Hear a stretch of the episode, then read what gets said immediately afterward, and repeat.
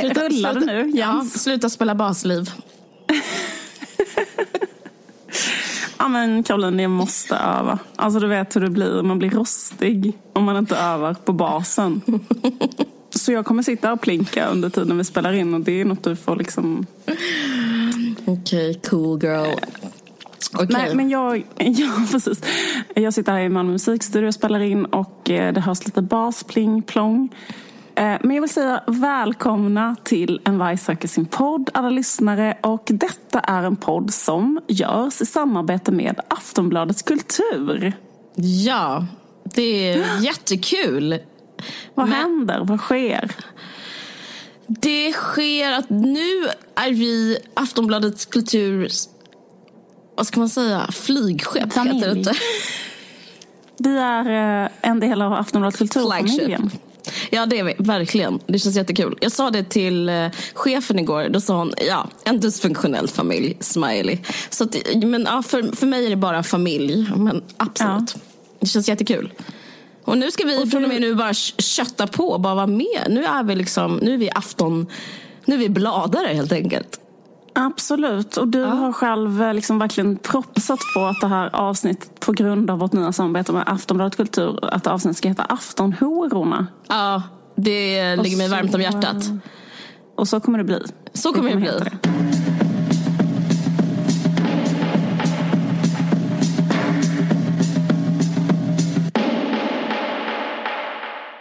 Jag har eh, tittat eh, väldigt mycket på uh, realitysåpan Love is blind som går på Netflix. Mm. Har du sett den? Uh, ja, jag, jag har sett uh, tre, fyra avsnitt. Um, ja, jag försökte hänga med. Första avsnittet var, var så fruktansvärt tråkigt. Men när du sa att du skulle snacka om det här, då gjorde jag det för din skull. Och då tycker jag faktiskt det blev bättre.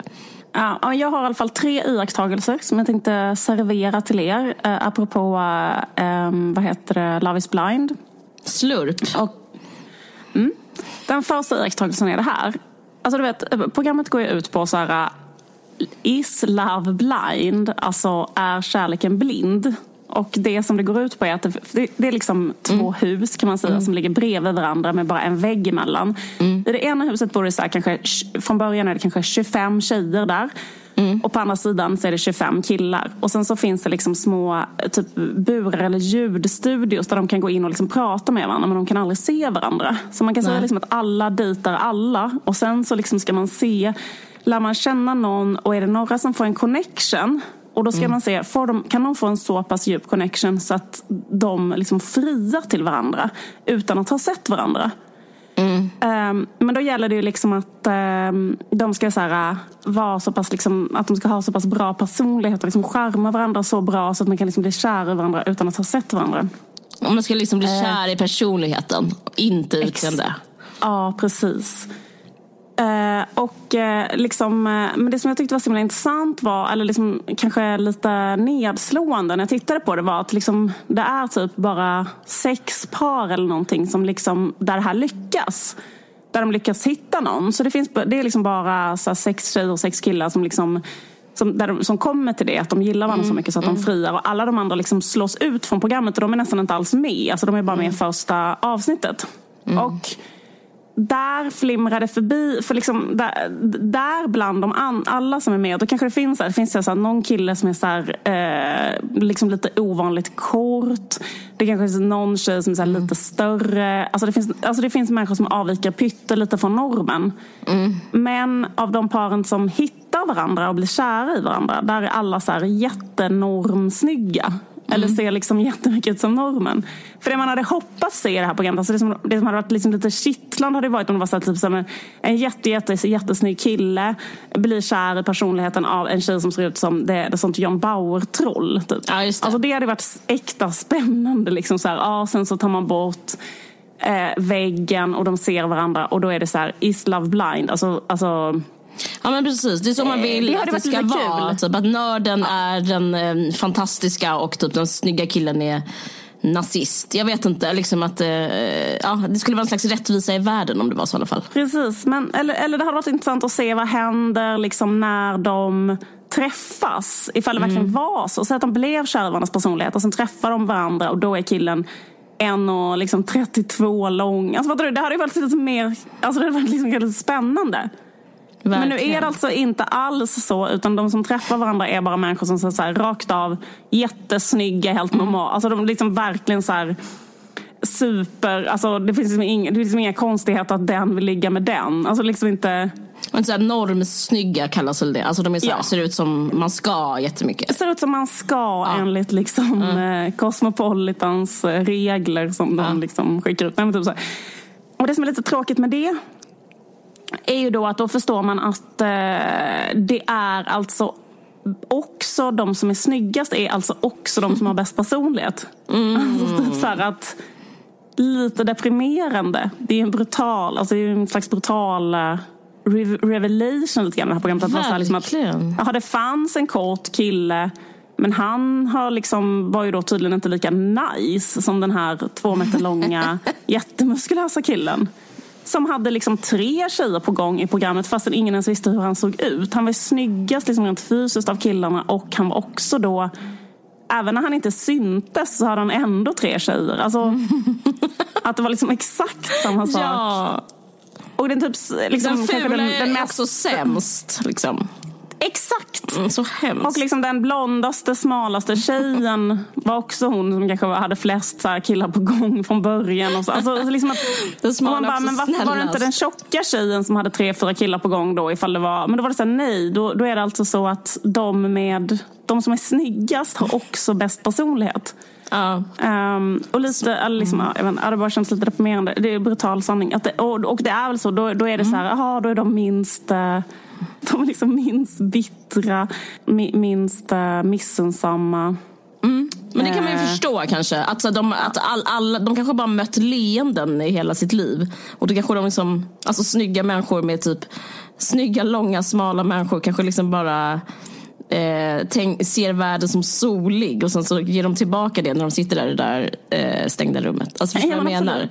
Det, Verkligen. Uh. Så liksom slutsatsen av experimentet är så bara, de som är snyggast och har lättast att få liksom, attrahera andra människor på grund av sitt utseende har också helt underbara personligheter. Så snygga är bäst. Mm. Typ. Men det, det känns ändå rätt så nytt av Love is blind att göra det. Alltså det är ändå rätt så kul på ett sätt. Att, eh, ja, det är intressant. Har du sett den där, jag kommer att tänka på en sak nu, den här filmen Booksmart eh, som Paris Amiri älskar den, hon pratar om sin podd. Typ, eh, han, Jonah Hills lilla syrras, alltså det är typ, det som är med den filmen är nog att, en, eh, att det har en kvinnlig huvudroll och det är, det finns en viss typ, nu, nu verkligen ta, eh, hamnar jag långt borta, det finns en viss typ av tjejer som är woke fast det är sådär liksom inom inom systemet woke. Och de gillar alltid tjejer som gör tv-serier. Typ så här, man gillar mm. Amy Poehler, Tina Fey. Mm. Mm. Alltså, jag tänk, och så är man ändå, alltså, kritiserar man ändå aldrig systemet. Man bara gillar tjejer inom systemet. Det är mm. faktiskt en rolig kategori som är Många på L tänker jag är så. Att de är så här, och det är så bra att Amy Poehler finns. Och så fortsätter man sitt liv. Liksom.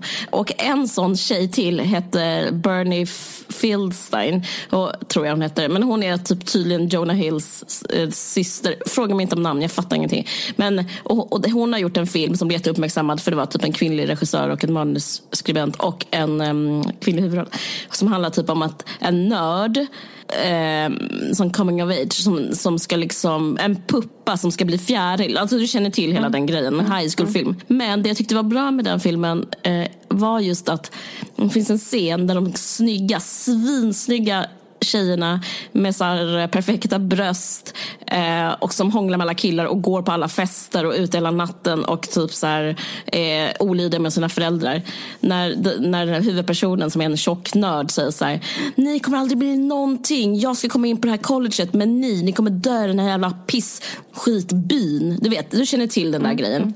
Mm. Och då säger de så här, faktiskt har jag kommit, jag blivit antagen på Yale nu. Och det är så roligt, eller hur? Det är så kul. Att, äh, de bara, va? Men ni är, ni är de snygga. Ni ska ju bli... Så hon bara, nej men vadå, vad menar Kan vi inte också vara snygga och smarta? Typ, ja, vi kommer gå på Yale ihop verkar det som. Ja. ja, det är väldigt kul. Ja, men så att du, det, det kändes nytt, samma med Love is blind. Jag håller verkligen med. Bra spaning. Vi går vidare med min spaning nummer två. Den är väldigt kort. Uh, ja. Den är så här. Uh, Greta Thurfjell skrev i helgen en uh, think piece, eller en, en, längre text som handlade om bröstens tillbakagång i samhället. alltså det handlade om att bröst har fått liksom en försämrad status som mm. erotiska objekt kan man säga. Mm. Typ att rumpan har tagit över. Det är väl många som har liksom märkt det att så här, röven är den nya Tiotalet var rövens decennium. Precis. I alla fall så skrev Greta Thurfjell i sin text att eh, bröst liksom inte är lika, det är inte en lika stor grej längre. Alltså typ den här typen av kropp att ha så här eh, jätte, jätte, jättesmal och sen två stora typ bollar på sig. Alltså den typen av ideal är liksom på väg ut. Mm. Och att eh, brösten då liksom har en kris till förmån för rumpan.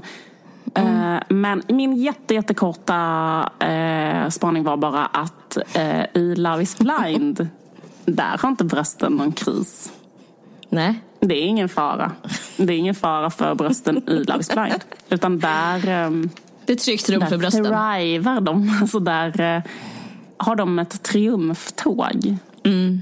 Mm. Liksom med all respekt för hennes spaning så är det otroligt mycket bröst än idag på olika ställen. Till exempel där. Och man ser verkligen bröst, alltså de är i ens ansikte. Mm. Det är som och de har en speciell kameraoptik. Man ser dem från alla vinklar och vrår och man bara runda, stora. Eh, vad fina det var från sidan. Alltså ver verkligen. Eh, de arbetar med brösten. De har ja. liksom en boobcam kanske. Alltså ja. det, men de måste nästan ha ja. en speciell anställd som liksom håller på med det. Mm. Um, mm. Nej, men jag läste också den artikeln. Och mm. eh, alltså själv känner jag mig... Alltså jag, jag tror verkligen, det finns kanske ingen som har firat så mycket att det var rövens det har varit rövens tid så att säga. Mm. Det, kän, det känns så underbart. Eh, och jag har eh, dels hon pratade väl lite om hur det var innan. Alltså det var ju så, som du sa också, typ två, en, ett streck med två eh, bollar på. Mm. Eh, så var det på 90-talet. Pamela Anderson. Känner våra lyssnare till Pamela Anderson? Ja, men, alltså de, de som var liksom it-girls var ju Pamela Systrarna Anderson. Graf. Systrarna Graf. Um, Carolina Gynning var, eh, var, lite så här, kanske sista passageraren på det tåget. Alltså när hon mm. var med i Big Brother i tidigt mm. 00-tal. Och, och Men sen tog hon ut sina implantat, vilket också är signifikant. Alla hon men, har um, väl implantat, men de är liksom bara lite mindre. Typ. Men just ja. man, nej, men alltså, det är klart hon har implantat. Ja, ja, ja. Men, jag tror att hon, jo, alltså, jo, men just det här att ha gigantiska ja, precis. Så, Sådana som de har i Love is blind. Okay, som Jordan, kommer du ihåg Jordan? Ja men Amber typ, nu ja. för de som tittar. Okej, okay, mm, så hon Men Jessica väl... måste också ha implantat väl? Jo men jag tror alla har men olika liksom gigantiska. Men det är ju liksom... det var så konstigt för det.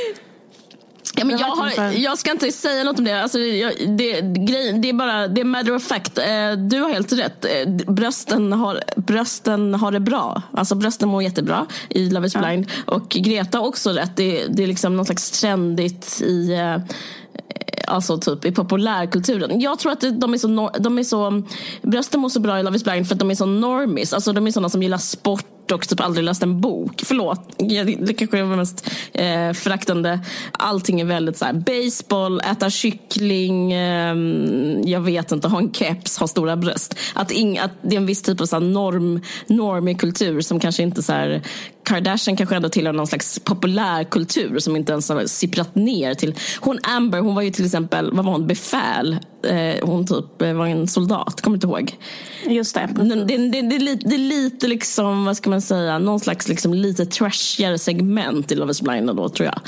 Eh, men det jag ska säga är att, att jag, jag blev lite eh, ledsen av eh, Turfjälls artikel för att jag ska inte överdriva, men det, jag gillar det är inte bara för att eh, min läkare sist jag var där, eh, jag har eh, problem med mitt knä och han opåkallat eh, sa, ja men du har ju sydamerikanska höfter. Det är inte bara därför, alltså på grund av det. Men det, men det jag har liksom gillat så mycket med rövartrenden, det är att det är går ifrån en slags vithetsnorm. Alltså alla kan inte göra allt men några kan göra något. Och, det, och något är till exempel att eh, killar kan gilla röv istället för bröst. Alltså, förstår du vad jag menar? Det är liksom någon slags, det är någon slags ofrivillig, eh, inkluderande liksom det är det här från... man kan faktiskt ändå börja med sig själv. Alltså look ja. at the man in the mirror och eh, liksom... Precis. Och man kanske inte kan liksom... Good look at yourself. ja, och då, då kanske inte man vill anställa någon som är rasifierad. Man kanske inte vill vara ihop med någon som är rasifierad. Men man kan i alla fall börja uppskatta röv. Och det är liksom en slags, jag vet inte, att sträcka ut en hand till, någon an, till en, en vita till, eh, till andra personer som är icke-vita. Jag, jag har i alla fall känt att det är en slags värme i den här rövdyrkan som jag, ja, jag hoppas inte den, jag känner mig lite hotad. Jag hoppas att den inte försvinner. Just det. Men jag vill, inte vara, jag vill inte vara för negativ mot henne. En sak som vill jag verkligen ge henne och det är att som jag, hennes empiri eh, var det här att killar över 40 gillar bröst. Och det så måste det vara mm. på grund av 90-talet. De ja. växte upp med Pamela Anderson som vi nämnde eh, som ideal. Eh, och killar under 40 gillar um, rövar. Och det tror jag hon har verkligen rätt i. Och det gjorde mig faktiskt jätteglad. Det, att det finns liksom, ja, finns hopp. Jag inte vet kört. inte om det är så, för jag har aldrig legat med någon över 40. Så jag kan, jag vet inte om den. Jag kan inte så här, uh, jag, jag, jag, har inte väldigt mycket empiri. Men vi får li, eller liksom, jag litar på dig när du säger det. Det är säkert så. Jag har aldrig heller legat med någon över 40. Nej, men då får vi lita på Greta. Nu ska jag komma till min tredje spaning om Love is blind. Kul. Det är en sak som är väldigt konstig i det programmet. Det är att eh, de liksom jättesnabbt blir så här otroligt kära i varandra. Alltså att de bara på några, så här, eh, några, liksom några dagar så är de så här eh, gråter, snyftar. Alltså vi kan bara höra lite hur det låter i programmet. Damien Powers, will you marry me? I will marry you. Will you marry me? I will marry you. I will be your wife. I'm engaged to someone who I've never seen. You're such a beautiful person. I don't have to see you to say that. Oh, yeah. Do it. Ja, här på slutet så har man på olika störnen och inandningar men allt där är människor som bara ligger och eh, skri, liksom, vad heter det, skriker och gråter och liksom kastar mm. sig på marken och, och liksom väldigt snabbt blir så här eh, sjukt liksom, fruk, liksom fruktansvärt liksom då kära i varandra. Och ja. att det, är så, alltså det var liksom lite konstigt. Så här, hur kan de bli kära så snabbt? Ja, verkligen. Jag, jag tänkte också på det. Ja. Men liksom, eh, jag har kommit på ett svar på det. Varför, det, varför de reagerar så, eller varför de blir så. Mm, och mm. Eh, svaret är att um, det här tv-programmet använder exakt samma metoder som sekter använder. Alltså verkligen, alltså helt sinnessjukt. Alltså de som hittade på programmet måste bara mm. ha kollat rakt av exakt hur um, eh, till exempel den här Moon-sekten fungerar. Alltså, eller liksom sekter överlag. Alltså för det första så är det så här, mm, mm. alla sekter är så här. Det första man gör när man försöker värva någon till en sekt. Det är så här, att man skär av all kontakt med omvärlden. Det, det är liksom precis det de gör i det här programmet. De, liksom, de får inte liksom ha sina mobiler, de får inte prata med någon. De är liksom instängda i det här huset. Det andra är att de hela tiden är en grupp och att liksom, när en grupp är tillsammans så blir det så här masshysteri. Typ alla håller på med samma galenskap och då bara bekräftar man varandra. Men man kan aldrig ringa till en, hem till en normal människa och säga mm. eh, vad fan håller du på med liksom, typ. Mm. Eh, det, är, det, är, ingen som sen, bryter liksom. Nej, det finns ingen som bryter. Och sen att det liksom inte finns någon tid för reflektion eller tid att diskutera vad som har hänt. För att det finns liksom ett schema i det här programmet som bara tickar på supersnabbt. Det är så här, Idag ska ni ha en romantisk dejt på en båt. Idag ska ni prova ringar. Sen imorgon ska ni prova bröllopsklänningar. Sen ska ni liksom... Alltså det är bara så här, det är så här, oj shit vad liksom... Eh, det, det, det, finns liksom ingen, det är, bara, det är verkligen så här, det, det, det, liksom, det är ett sånt jävla maskineri som bara liksom rullar stenhårt mot ett mål. Mm. Och eh, jag läste en artikel i tidningen Amelia eh, för, eh, som är från förra året som handlar om så här, det är en sån artikel som handlar om en person som berättar när hon blev värvad av en sekt. Mm. Klassisk eh, Amelia. Klassisk ja. typ av Amelia reportage. Mm. rubriken är så här. Eh, Helena, kolon. Jag blev indragen i en sekt på semestern. Och så står det så här. När Helena var 23 år gammal så var hon på en jorden runt-resa. Hon gick omkring själv på en gata i New York. När en tjej då började approacha henne och säga till henne att hon kom från en studentorganisation så började hon ställa frågor till Helena om hennes intressen. Och sen sa hon att Helena skulle passa perfekt in i deras grupp. Och så frågade hon om hon inte ville hänga med till deras lokal som låg där i närheten. Och Helena då är ute och reser själv så hon vill vara lite spontan så hon bara hänger med. Och så säger de att de jobbar med så freds och solidaritetsfrågor. Nu läser jag bara lite högt ur artikeln. Så står det så här. Helena drogs med i den härliga stämningen och slogs av hur öppna och kärleksfulla alla var. Men från den stund som hon gick in i lokalen så släpptes hon inte ur sikte en sekund. Dagen därpå skulle ett veckolångt läger börja och de ville att hon skulle vara med. Helena som snart skulle resa vidare gavs inte en chans att tänka efter. Hon fick sällskap för att hämta sin packning på hotellet och sen var hon mitt i den intensiva gemenskapen dygnet runt. Mm. Sen så efter ett tag så förstår hon att de är väldigt religiösa. Hon börjar känna sig skeptisk. Men mm. hon får aldrig chansen då att pausa och reflektera. Det står så här, Helena kände sig sedd och omtyckt men trött. Programmet var så intensivt, säger Helena. Efter en föreläsning skulle man genast diskutera hur det hade varit och sen var det dags för volleyboll eller någon annan aktivitet. Och det finns liksom aldrig någon chans till reflektion. Hemskt också när det är så kristna aktiviteter. Så himla... Alltså, jag antar att de inte drack någonting, att de måste typ så här spela innebandy och sånt där. Det är som, det är som stupar. Det verkar så jobbigt. Men det här är i alla fall exakt ja. som det är Love is blind. Alltså det var mm. så mm. äkta, äkta sån stämning i den här jävla reality-såpan. Att det är så här, de har de här eh, liksom labbråttorna instängda där. De får inte träffa sina, sin familj. Sen får de liksom vara i en sån konstig masshysteri som handlar om liksom kulten av den romantiska kärleken. Så liksom hetsar de upp varandra med de här sinnessjuka, liksom så här masspsykosen, säger de här sjuka orden till varandra. Nästa dag är det så här, då ligger du på mm. en yacht liksom med typ, liksom förstår vad jag menar? Och blir matad med såna jordgubbar i choklad och någon så här, alltså det är liksom, du vet. Och sen helt plötsligt är det så här, nej men nu ska du gifta dig med en person som du har känt i en vecka liksom och, och, och, det som är så jävla sjukt är att den här sekten som, eh, som den, det här reportaget i Amelia handlar om, sekten som Helena blev indragen i, det var just den här Moon-sekten som är känd också just för att de så arrangerar bröllop. Mm-hmm. Um, alltså lyssna nu här, det här är väldigt mm. uh, sjukt men det står så här i den här artikeln om hur hon blev indragen i sekten så står det så här det yttersta provet inom Moon är att lära sig älska en man som man inte har valt. Med honom ska man bilda familj och föda syndfria barn.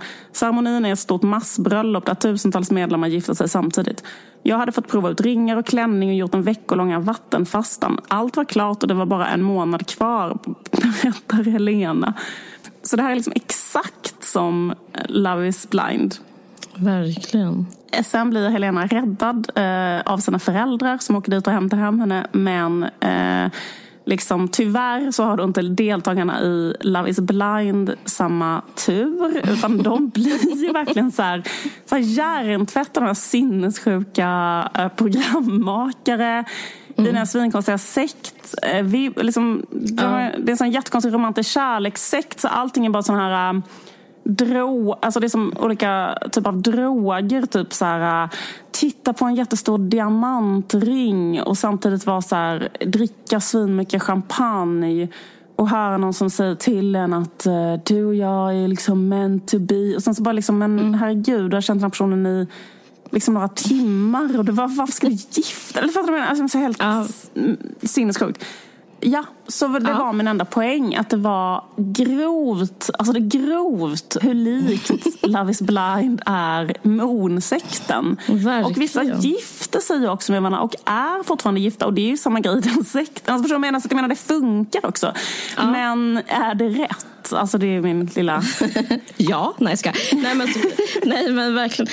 Nej, men det jag tänkte på när jag såg det, för jag reagerade också på att de, eh, att det, att det var, gick, så, de gick så jävla fort fram. Liksom. Själv är man typ, själv är man typ så att man bara, jag har inte sagt till honom än att jag älskar honom. Vi måste vänta ett halvår innan typ, eh, jag vet inte, innan vi kan typ äta frukost ihop. Nej jag vet inte. Men det är liksom ändå så jag tycker jag mycket mer uh, den västerländska vanliga typ, kärleken uh, liksom rullar på. Uh, men här var det verkligen att de sa, de speedade upp allt så mycket. Men det jag tänkte på, och det här... Jag det här är äkta sekt verkligen. Uh. Alltså. Ja, jag, ja, men verkligen. Nej, men jag, jag, jag, jag, tar inte bort din analys. Jag tycker den är korrekt. Klockren, kongenial. Nej, men det, jag, det jag tänker på var att det fanns liksom någonting, eh, och jag vill inte säga det här för det låter också som att jag ser ner på deltagarna, men jag, jag, jag, okej, okay, jag får ta den liksom, risken. Du kanske, bara, du kanske bara gör det. Alltså, det kanske kan vara så enkelt att du, du kanske bara kan, du kanske inte liksom hela tiden måste låtsas som att du inte ser på dem, utan du kanske bara rakt av säga att du ser ner på dem och tycker Nej, de är mindre värda. jag gör inte det. Men jag måste säga att eh, jag tycker det är intressant med språk. Eh, för de, det är som att de använder sig av, det är som att språket i Love is blind har en egen eh, roll. Eller som det liksom mm. spelar som att det är en ytterligare en deltagare i själva språket. Eh, det är som en snöboll som bara som rullar över dem och under dem. Så de bara, jag tror att så här, de, de, de är ett rum och sen så eh, de känner till kärlekens språk. Och jag, det här liksom, I, I, Jacques populärkulturen typ. För att det är så här, eh, alltså Jacques, eh, vad heter han, Hugh Grant som säger så här, I'm just a boy standing in front of a girl. Alltså sånt som alla de här romantiska komedierna eller liksom allting som finns på tv och, och i sånger och allting som det enda man någonsin har hört. Det finns liksom inget språk för det här, så här mellanläget som egentligen är korrekt. Så istället så använder man sig av det, den här liksom, eh, det här kärlet där ett förhållande ska rymmas i. Alltså, så de säger typ så här väldigt så specifika I grejer. I don't wanna live another day without you. Ja, exakt, det säger, det säger de efter en timme. I don't wanna wake up one day and not have your face next to me in the pillow. I don't wanna wake I don't wanna de... go to bed one night before saying I love you. Men det har de sagt en, efter de har liksom bara varit där. Hello my uh, wife, hello wifey. Jag vet. Också, jag reagerar på att uh, andra gången någon träffar någon, uh, Mark träffar Jessica, då säger han så här, I just knew when you said hi. Alltså när du, jag hörde, du sa hej så visste jag att det var du som ska, jag ska spend, tillbringa resten av mitt liv med. Ja. Och du får mig, och så en annan person säger så här.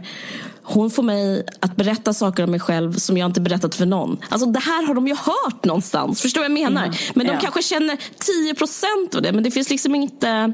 Eh, om man är liksom... Eh, det finns inget annat språk. Så därför tror jag liksom språket är som en så här... Språket är djävulen. Okej, okay, eh, sekten är också djävulen. Men, men, språket i sig är som en... Det är så himla...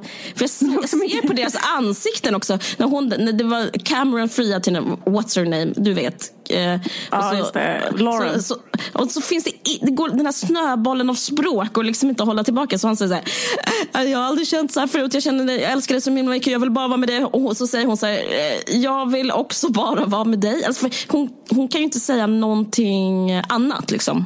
Alltså, det finns ingen väg tillbaka för det finns liksom det är liksom också inga ord tillbaka. Mycket, alltså de ja. dricker mycket de, de här ljudsoda som sitter med, med, ett glas vin. Det var så otroligt stora glas vin. Jag bara, men mm. så stora är inte vanliga vinglas. Alltså det är någonting som produktionen har gjort så här att nej men det här är ett helt normalt vinglas. Men det där är inte en Alltså så stort är inte ja. ett vinglas. Och så sitter de bara så liksom håller man, sånt vinglas som man typ måste hålla med två de händer. För det är så stort. akvarieskål med rödvin. Och liksom klunkar. Så de är ja. råpackade också. Då kan man också komma in i ett sånt språk. Att det är så men så det bara själv. Man vill att något ska hända. Ja.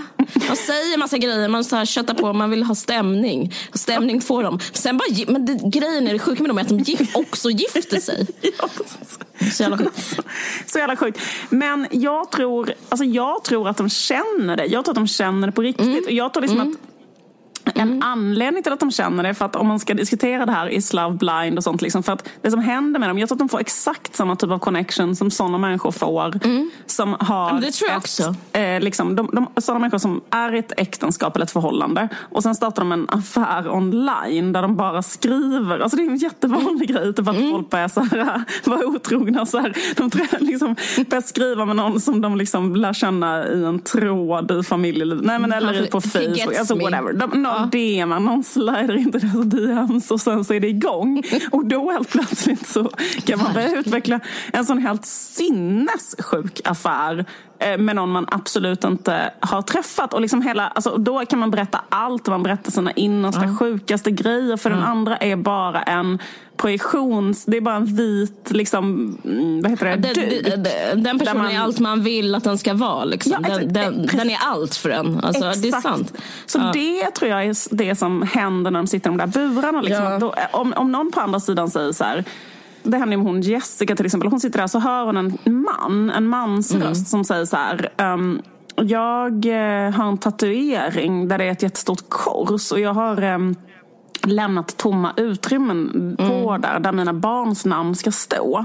Och då, börjar hon, då blir hon bara så här, liksom fantasin att den här mannen, så menar, sen är han liksom en jätte, jättekonstig um, fitnesstränare som är 24 och är liksom, jag bara eh, tolkar honom som rakt av en jävligt konstig person. Nej, men liksom, det spelar ingen roll men det, i- för henne så blir det, alltså att man blir liksom helt, alltså jag kan verkligen förstå att man kan bli så piss, alltså kanske är anledningen till att de blir så jävla kära i varandra är att de inte kan se varandra, eller de kan liksom inte förstå vem de andra är. Det handlar bara om deras egna fantasi.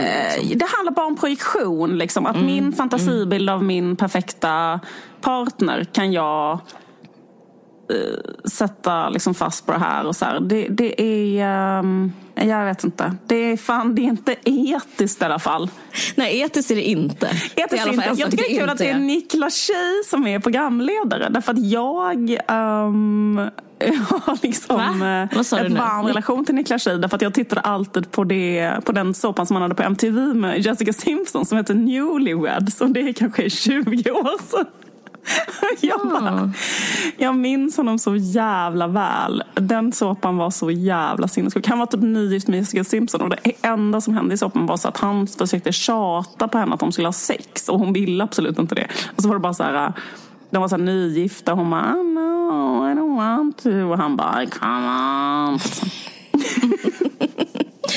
Just jag minns också att du tittade på det. Men du, jag ska, inte dröja mig, jag ska inte dröja mig vid det här. Jag bara liksom en... Jag för mig att det har blivit, apropå etik, att det har väl blivit någon slags moraldiskussion. Har, Har det det?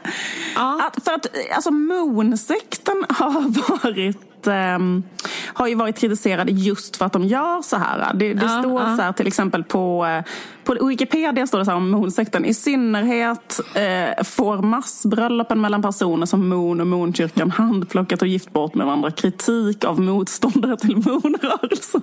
Och jag menar, varför skulle då den Ja. här serien komma undan med det ifall Moon-rörelsen inte får göra det? Ja, precis. precis. Nej, men, nej men grejen att det var, nej, men det var det. det var liksom, känner till den här grejen med hon Caroline Flack? Som var ett sånt Nej. där, eh, hon, hon, hon var programledare för eh, Love Jo. Island. Känner, du till Jag det? känner till, just det, hon har eh, tagit livet av sig. Typ, Hon tog, hon Ja. tog livet av sig själv för att hon, eh, ja men basically så är det för att det händer lite grejer med världen. Typ en, en av grejerna som händer är så här, är det rätt eller fel? Börjar typ så här, väldigt många seriösa och oseriösa företag fråga sig att göra reality-tv. Alltså i England har det ju blivit en sånt upprop eh, till exempel frisörsalonger vill, eh, slutar, det här är så himla gulligt på något sätt, de slutar med skvallertidningar. På grund Nej. av, eh, jo visst är det gulligt, de, på grund av att de vill, de, de liksom vill backa Caroline Flack då som var så här ehm, Ja, för att, hon blev väldigt uthängd i skvallerpressen. Ja, men det, det blir också en så här Di- Diana 2.0. Mm, Liksom, så här, Ni dödar dem, liksom. ni dödar dem vi älskar. Och, eh, till slut orkar de inte längre. Och, och, och nu Meghan och det- Harry är väl också lite så. Att Ja, ja, har ja. Liksom, det finns en typ. seriös Ja. diskussion. Så här, ska vi, typ, ska, borde man sluta på något sätt? Borde liksom, det finnas restriktioner mot typ reality och tabloid? Alltså ta, tabloid och reality har ju någon slags eh, ohelig allians som de bara liksom det står ju så mycket om, om, om, Ja. om de, den typ av stjärnor i den typ av press. Liksom. Men, eh, så jag tror typ det. Och så jag tror att just att Love is blind har blivit superkritiserat för att det varit oetiskt. Men jag, jag är inte så intresserad, så jag har inte läst någonting. Jag är bara intresserad av att Caroline Flack begick självmord. Jag tyckte det var fruktansvärt. Men en sak som jag tänkte på när du pratade, eh, som inte har med det här att göra, men det är liksom, jag började tänka på min egen barndom, eller min eh, coming of age, när jag var så här, jag läste, hela min barndom eh, läste jag Veckorevyn och min mamma läste typ Amelia. Och det är så roligt att vara kvinna eller flicka liksom, för att hur man, vilken typ av information man får eh, Alltså av världen, eller liksom vilken media man konsumerar. Och eh, den media, jag kanske konsumerade en sån eller två såna tidningar i veckan liksom, i mitt lilla liv, i min lilla sta, by. Liksom, så här. Men att i de tidningarna, typ Amelia och Veckorevyn, att det var så, de kanske kanske 80 procent av, den, av informationen där alltid handlade om en sekt. Det var, alltså det, hon Helena som berättar om sitt liv, det är liksom, eh, alltså som, som barn eller som eh, ungdom, är det, tror tror man till slut att eh, typ världen består av så här, eh, så får du honom att komma är typ så här tio, det är typ så här viktigast av allt. Två är typ så här, hur är det i en sekt? Alltså typ det är som det man får, eh, det är liksom det, är det livet består av. Det är så himla märkligt. Nu läser jag väldigt lite så här sektberättelser, men jag kanske läser åtta, jag kanske läst, jag vet inte, jag läst otroligt många. Det är så intressant med tjejmedia. Det är jättekonstigt att det är liksom en del av tjejmedia för allt det andra som är i en sån tjejtidning kan man förstå. Men det du vet vad jag smink, menar. Hur, hur, Ja. hur kan du liksom banta? Hur kan Ja. du få dem att komma? Allt det här är liksom, vad heter det? Liksom Det förstår man. Okej, fine, Ja. det förstår man. Sen är det så här, varför vill alla tjejer veta liksom så här, hur det är att bli värvad till en sekt? Men är att jag kan känna, mig, känna igen mig. Jag vill läsa en sån artikel om hur hon Ja. gick med i en sekt. Alltså, så att jag, Ja. eh, jag vet Ja, inte varför det är så. Jag har gjort det, men jag har läst upp den nu. Ehm, men det är kul. Jag, mm, eh. Men, men, men, men, jag, jag, får, jag får skräckkänsla. För mig är det lite alltså, kusin med krim. Men det kanske bara det kanske bara fina lilla jag. Jag vet inte. Alltså, typ, förstår du vad jag menar? Jag känner mig så rädd. Jag tycker det är lugnt att läsa om sånt ifall det inte slutar med liksom att hon blir så här uh, styckmördad. Alltså, eh, ja.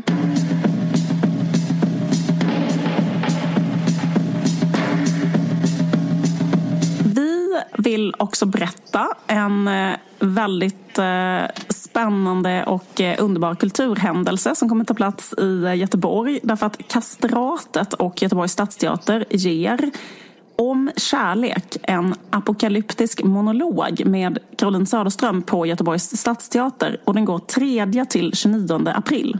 Så kul. Jag är jättetaggad. Undertiteln är Drömmar och shopping i apokalypsen. Eller Hur jag slutade ängslas och lärde mig älska undergången. Intressant. Och i den enda rollen ses Caroline Söderström som kanske mest är känd för sin roll som Astrid Levander i tv-serien Vår tid är nu. Just det. Mm. Eh, ja, Det var kul. Det här är obviously något helt annat. Eh, men eh, jag vågar gissa att det liksom, den här rollen kanske ger mer range och mer liksom, om man älskar eh, skådespeleri och teater så är det här säkert helt underbart. Ja, verkligen. Eh, Det står så här eh, att hon spelar en roll eh, någon som heter Gretchen som håller på att förklara sina val. Och det handlar om ett triangeldrama med green tech-miljonären Heinrich och asketen Valentin. Det låter helt Kul. underbart. Ja. Eh, Spännande. Ja. Ja, och vi har ett litet fint erbjudande till er lyssnare. Att eh, man kan köpa sin biljett för endast 130 kronor. Det är mindre än två öl eh, på dyra ställen. Surfa in på stadsteatern.göteborg.se varg och ta del av det här erbjudandet. Och vi är superglada för att vi eh, får göra det här samarbetet med Göteborgs stadsteater. Tusen tack Göteborgs stadsteater. Gå och kolla på detta. Så himla trevligt att gå och kolla på teater. Alltså typ ta en kompis, köp en biljett för bara 130 spänn. Eh, Man går ut efteråt, dricker ett glas, diskuterar pjäsen. Äkta liv, äkta livet. Ja. Så kul. Så ska det vara. Ja, men du. Japp. Har, har du hört talas om corona eller? Är det en öl eller? Fan vad många tråkiga corona, är det en öl-skämt man har sett nu. Alltså det är man riktigt trött på. Jaha, okej, jag har inte sett ett enda. Har du inte sett sådana bildskämt där liksom det är all maten har trängt ihop sig i en del av kylskåpet och i andra delen står det en corona? Nej, jag har inte sett. Det är kul. Har på sig man munskydd typ. Vad sa du? Och har på sig munskydd typ. Nej, men jag förstår genren nu och jag är sugen på att bidra. Ehm, Nej, men det var inte det jag skulle säga. Nej, men, eh, det du sa nu är faktiskt en bra ingång till vad jag ska säga. För att Det jag ska säga är att det går inte att säga särskilt mycket som inte redan sagt om corona. Alltså, typ, det går, och, det, och det som redan sagt är väldigt lite. Alltså, det går inte att säga särskilt mycket alls. Det jag vill säga är så här. Eh, vad jobbigt att det är en pandemi. Typ, folk är rädda. Eh, vad är mer sagt? Jag sa förra veckan typ att eh, det har skapat en rasism. Det säger alla andra också. Att typ att ah, det finns en så här, vad heter det? Se, eh, xenofobi. Ex, ja, faktiskt. Mot kineser. Men nu kanske alla välklädda, välklädda italienare, hur, har de det på gatorna? Alltså man ser någon med kashmirkappa och lite putsade skor. Absolut, det, det kan inte vara lätt. Eller jag känner att den nya liksom, stigmatiserade gruppen är så här, eh, människor som åker till Norditalien med sina barn. Alltså svin som inte fan kan åka skidor i Sverige, vilket Ja. är det normala. Så känner jag. Om någon, har, någon är lite solbränd och backslick så byter jag sida på gatan. Ja, man vill inte ha, vara i närheten av sådana gymnasieskolor liksom i eh, Om någon beställer in shots, då bara spring därifrån. Då vet ni vart de har varit i uh, Chamonix. Nej, vad heter det? Dolomiterna. Fucking Jag vet inte ens vad de här grejerna heter för att jag jag har aldrig liksom eh, Men som en normal människa har du en aldrig åkt skidor. eller varit i närheten av en skidort. Alltså jag, har aldrig, vet inte vad det är. Alltså jag vet knappt vad det är. Alltså vad är det att vara där och åka skidor? Jag vet inte ens vad det är. Liksom, jag vet inte hur det går till. Alltså jag har aldrig liksom... Jag vet ingenting om hur det är eller vad det är som folk gör. Jag är så långt ifrån det. Jag har aldrig varit alltså, någonstans... Alltså jag har aldrig ens känt någon tror jag, som har gjort det. Alltså, jag har liksom aldrig varit i närheten. Jag har aldrig sett ett foto. Jag har förstått att det är någonting med att man lyssnar på coverband. Jag förstår inte kulturen i det, att vara på skidresa. Det är typ att man är en timme. Jo, vet du vad? Det närmaste jag kommit är att titta på den Ruben Östlund-filmen som utspelar sig lite grann på en skidort. Men annars har jag liksom, är det så fucking vagt för mig. Nog om mig. Mig med. Mm. Nog om dig. Eh, heter det?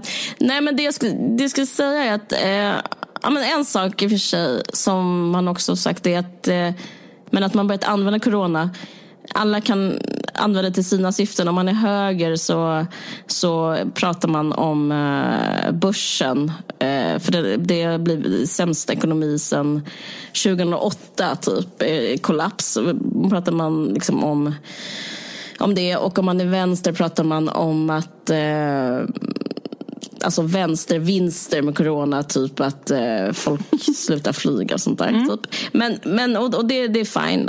Det som berör mig mest av allt de här liksom eh, vad ska man säga, duktiga åsikterna eh, är att, eh, ja, men, som i USA så är det typ, eh, i Sverige är det nog rätt så lugnt, men att det, kommer, alltså, det, kommer, drabba, det kommer verkligen drabba liksom, fattiga människor. Alltså eh, typ hemlösa, uteliggare, folk som inte har någon sjukförsäkring. De kommer ju, alltså migranter, papperslösa och så kommer det vara lite i Sverige också. Om man är så här papperslös eller om man är en migrant så kommer det gå åt helvete snabbare än om man är en av de äckliga jävla skibamsen som just nu står någonstans Som har och beställer smittat in ner shots. dem, eh, människorna. Ja, Ja. precis. Som har smittat ner dem. Och det, det stämmer lite. Men jag ska, fa, ska ändå inte prata om det. Det jag har tänkt på är en annan sak. Jag måste berätta lite om mig själv. Jag har levt det här livet, snart 40 år, med en känsla av att varenda, alltså sen jag föddes, alltså när jag, när jag slog upp mina, mina blå, mina blå tjack för första gången. Då tänkte jag, hur fan går det här ihop? Alltså, hur, jag har liksom aldrig förstått. Alltså, en, till exempel bara det när jag tog körkort. Vi spelar, spelar, spelar fram 18 år. Eller eh, make that 34. Så, så, så här, hur kan folk köra bil? Jag tycker det är så fruktansvärt konstigt. är hur kan vägar finnas? Hur kan inte alla bara dö och köra på varandra? Och eh, vad är bensin? Och vem kom fram till att det skulle vara 99 oktan? Och så vidare. Och det här då. Jag ska, jag ska inte bli, bli så långvarig. Jag ska bara göra en recap av hur sjukt livet är.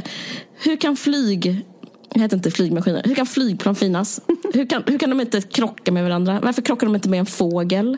Hur kan det finnas vägar? Hur vet de var de ska landa? Hur gör de på natten? Okej, lampor, det förstår jag också. Men liksom, allting är så märkligt. Och sen så, jag minns när jag fly- flyttade till Stockholm, träffade väldigt många rika människor väldigt snabbt. Alltså det var väldigt vanligt att vara väldigt rik. Och eh, samma känsla liksom är att så här, hur, kan, hur kan man bo med någon pool? Hur kan man ha en hiss upp i lägenheten? Och hur kan, eh, hur kan de, folk vara så snygga? Alltså det, kanske inte riktigt det jag menar. Men jag menar liksom ett slags att jag har känt mig förfrämligad för samtiden. Och nu med corona så är det som att men jag har också jag har faktiskt känt så, inte bara med så här rika grejer, även så här tunnelbanan. Det är så konstigt att vi sitter alla på tunnelbanan och människor har liksom psyken och liv och historia, bagage. Alltså allting bara är så. Jag har upplevt liksom att livet och världen har liksom varit på bristningsgränsen och jag har upplevt att det folk har gjort har varit eh, ohållbart på ett sätt, inte liksom ur ett klimataspekt utan ur ett, vad ska man säga, ett sätt att liksom, hur kan det här vara livet? Hur kan allt det här innebära livet? Jag har inte känt mig säga, hur kan det funka att eh, alla de här människorna liksom larvar sig ner på den här rulltrappan och åker frivilligt till olika Ja. jobb och får pengar och tar hand om liksom jobb? sina- ja, och om man hör någon som kanske är AD, va- varför är det en AD? Eller vadå reklam? Eller Varifrån vadå en maten? ingenjör? Ja. Läkare kan jag förstå, men sen så slutar min förståelse. Typ. Lärare har jag sett, så jag förstår det också. Resten är liksom bara så här, eh, och, jag vet inte, och nu är min dotter QR-koder i sko, i, på dagis. Jag tycker också det är bara så, va? Ja, skitsamma. Det, det, är inte, jag ska, det är inte så kul att höra på. Det jag ska säga är att eh, jag upplever en, en slags samklang med Caroline Ringskog för första gången i världen. Alltså jag förstår världen nu med corona. Jag är självklar för första gången. Alltså jag minns typ när jag var liten och min, också de rikaste i klassen åkte på en väg, åkte flygplan på en resa till Hawaii. För mig var det väldigt så här weird och konstigt. Och nu så är det som att jag har fått revansch. Liksom alla de här känslorna får revansch, alla de känslorna får plats.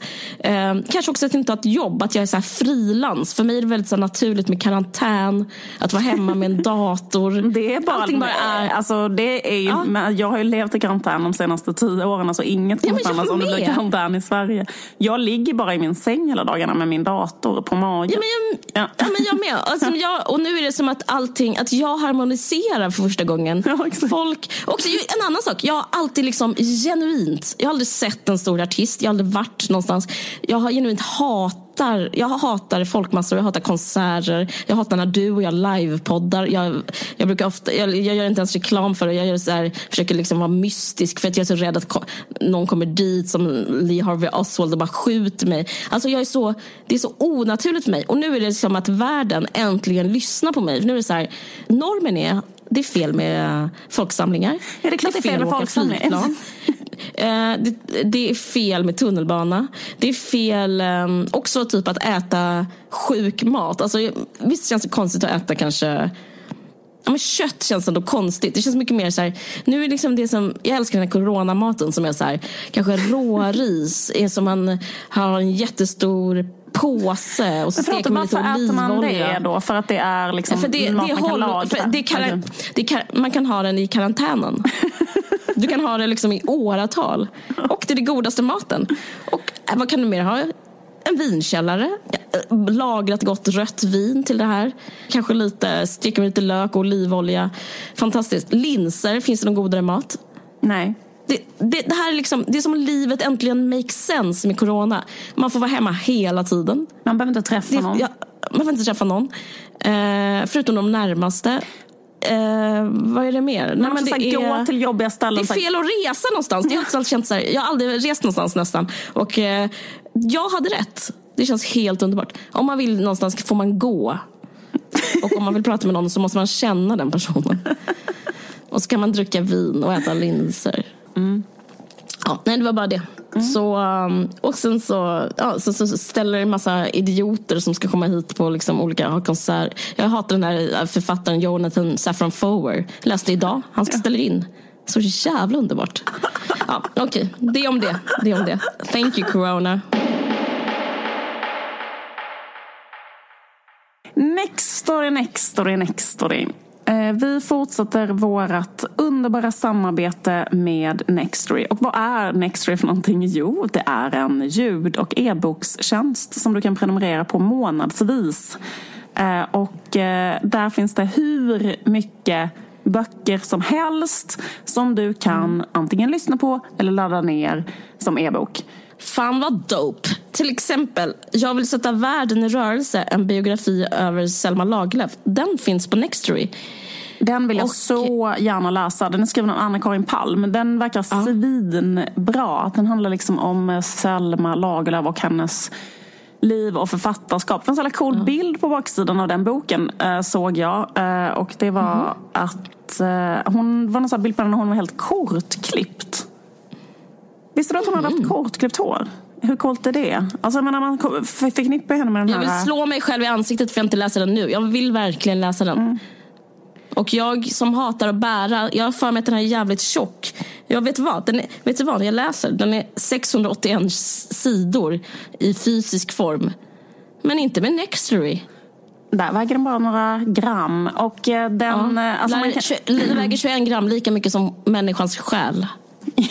Precis. Och den är liksom, man kan lyssna på den. Och en annan sak, liksom, om man då läser den här biografin av Selma Lagerlöf, mm. vilket jag eh, liksom inte kan vänta att få göra, Nej. för det verkar så jävla spännande Samma. och allt jag har hört om den att den är svinbra. Man kan liksom lyssna på den som ljudbok och sen kanske man känner så här, bara, men gud, jag vill eh, liksom eh, fylla igen mina luckor luckor i vilka Selma Lagerlöf-böcker jag har läst. Eh, mm. Och då kan man titta på Nextory och bara oj, då har de Gösta Berlings saga, det finns Jerusalem.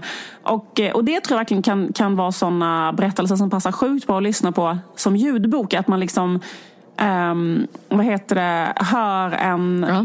underbar, liksom, eh, riktigt, så här, riktigt, riktigt, riktigt, riktigt bra berättelse.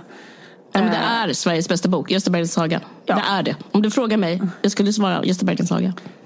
Selma Lagerlöf är ju, alltså, är hon den bästa författaren som Sverige har haft? Hon She's Strindberg. up there med Strindis. Alltså. Nextory erbjuder våra lyssnare, eh, nytillkomna lyssnare, 30 30 dagar gratis. Och det är jätteenkelt att eh, regga ett konto utan att betala de här första 30 dagarna. Det gör man genom att gå in på Nextory och slå in kampanjkoden VARG. Gör det. Tack så hemskt mycket för det här samarbetet Nextory. Tack Nextory. Och tack också Aftonbladet Kultur. Oho, första podden med Aftonbladet Kultur. Nu, uh... Aftonhororna tackar Aftonhoran. What? Nu rullar det vidare. Det gör det eh, verkligen. Okej, lyssna på oss. Eh, fortsätt lyssna på, på en varje Vi är tillbaka om två veckor igen. Tack och hej. Tack och hej. Puss puss. Puss.